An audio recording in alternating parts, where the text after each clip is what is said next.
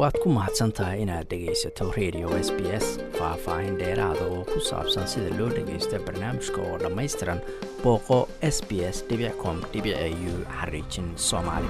Kasoo kabashada faafka covid nteen ayaa noqon doona baa la yidhi arrimaha ugu waaweyn ee doorashada ay uga doodi doonaan xisbiyada waaweyn ee leybarka iyo isbahaysiga. Khudbo weyn oo talaadada kowda februaayo uu jeediyey ra'iisul wasaaruhu ayuu ku ballan qaaday lacag ka badan laba boqol oo milyan oo dollar oo la siinayo shaqaalaha ka shaqeeya hay'adaha dadka waayeelka xanaaneeya. Hay'adahaas oo markaasi caabuqu uu aada u saameeyey. Tan ayaa imanaysa iyadoo cod aruurin ballaaran oo la qaaday oo ah tii ugu horreysay wixii ka dambeeyey intii omicronku dalka uu aafeeyey. Ay muujinayso in dowladdu hadda ay ku jirto xilligii ay ugu liidatay ilaa wixii ka dambeeyey sebteembar labadii kun iyo siddeed iyo tobankii iyadoo lagu sii siqayo doorashada qarankana hogaamiyaha mucaaradka leybarka antony albanisi ayaa diiradda saaraya arrimaha xagaagan warbaahinta aada u haystay oo ahaa korarka omicronka iyo qalabka lagu baaro ee la yidhaahdo rabid antigen test oo aada ugu yaraa suuqyada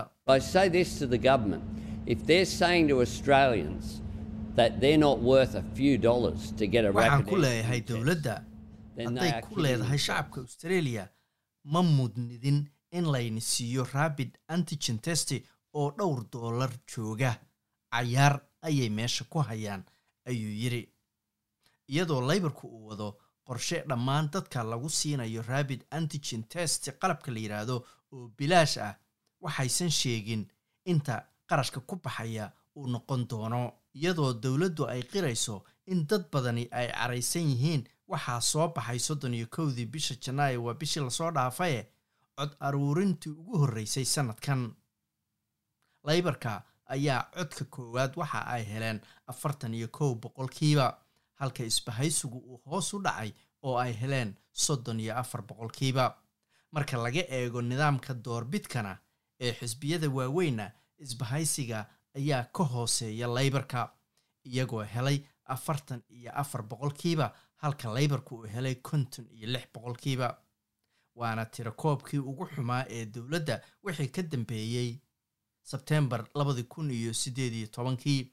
Markaas oo hoggaanka xisbiga la ciqilaabay ama la tuuray waa xisbiga liberaalkee scott morrison ayaa sidoo kale hoos u dhacay marka dadka la weydiiyey qofka ay door bidayaan inuu ra'iisul wasaare dalka ka noqdo isagoo wax yar uun ka horreeya ama ka sarreeya antony albanisi saasoo ay tahay isbahaysigu waxa ay niyadda ku dhisanayaan wixii hore u dhacay. Many political obituaries were written ahead of the 2019 election uh, and many false prophecies were made by those in the media dare I say it uh, marar badan ayaa dhimashadeenna dhanka siyaasadda horey looga tacsiyeeyey ka hor doorashadii labadii kun iyo sagaal iyo tobankii. Waxyi beena ayay warbaahinta iyo mucaaradkeennu sheegeen. Waxaas oo dhanna been ayay noqdeen ayuu yidhi friedenberg. Hadalka friedenberg ayaa macnihiisu yahay in cod aruurintii ka hor doorashadii hore aada loo saadaalinayay in leybarku ay guulaysanayaan balse dowladdu ay ku adkaatay doorashadaasi. Cod aruurintan ayaa sidoo kale muujinaysa in aqlabiyadda codbixiyaasha ay u arkaan leybarku inuu yahay xisbiga ku fiican inuu dalka ka saaro faafka covid nneteen-ka laakiin ra'yi aruurinta ayaa horay been u noqotay. Afhayeenka leybarka arrimaha caafimaadka mark butler ayaa sheegay in leybarku uu diiradda saarayo oo keliya maalinta doorashada.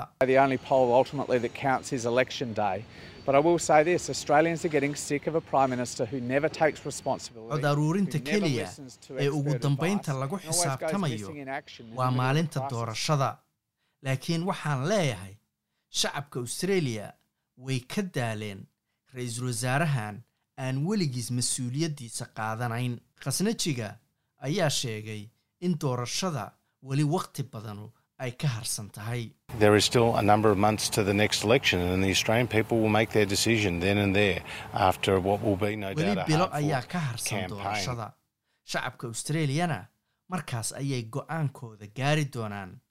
Kadib waxa aan is leeyahay wuxuu noqon doonaa oo lala doorasho oo aad u adag ayuu yidhi mr fridenberg talaadada bishan februaayo ay kow tahay ayuu ra'iisul wasaaruhu ajandayaasha dowladda soo bandhigi doonaa kadib faafka covid nneteen-ka gaar ahaan nooca omicronka.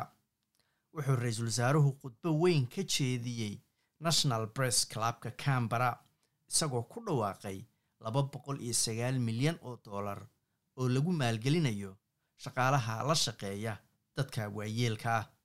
Qof kasta oo shaqaalahaas ka mid ah waxaa laba jeer la siinayaa afar boqol oo dollar markiiba. Lacagtaas ayaa qeybta hore la bixin doonaa bishan febraayo halka qeybta kale laga bixin doono bisha may. Tan ayaa imanaysa iyadoo ay jiraan cadaadis ballaaran oo la xiriira hay'adaha xanaaneeya dadka waayeelka oo shaqaalo badan markaasi laga fanishay. Waad ku mahadsantahay inaad dhegaysato raadiyaha s b s toos u dhegaysa barnaamijka habeenada arbacada iyo jimcada tobanka fiidnimo ama kaga soo cesho website-ka iyaga iyo s b s radio app booqo s b s com au xariijin soomaali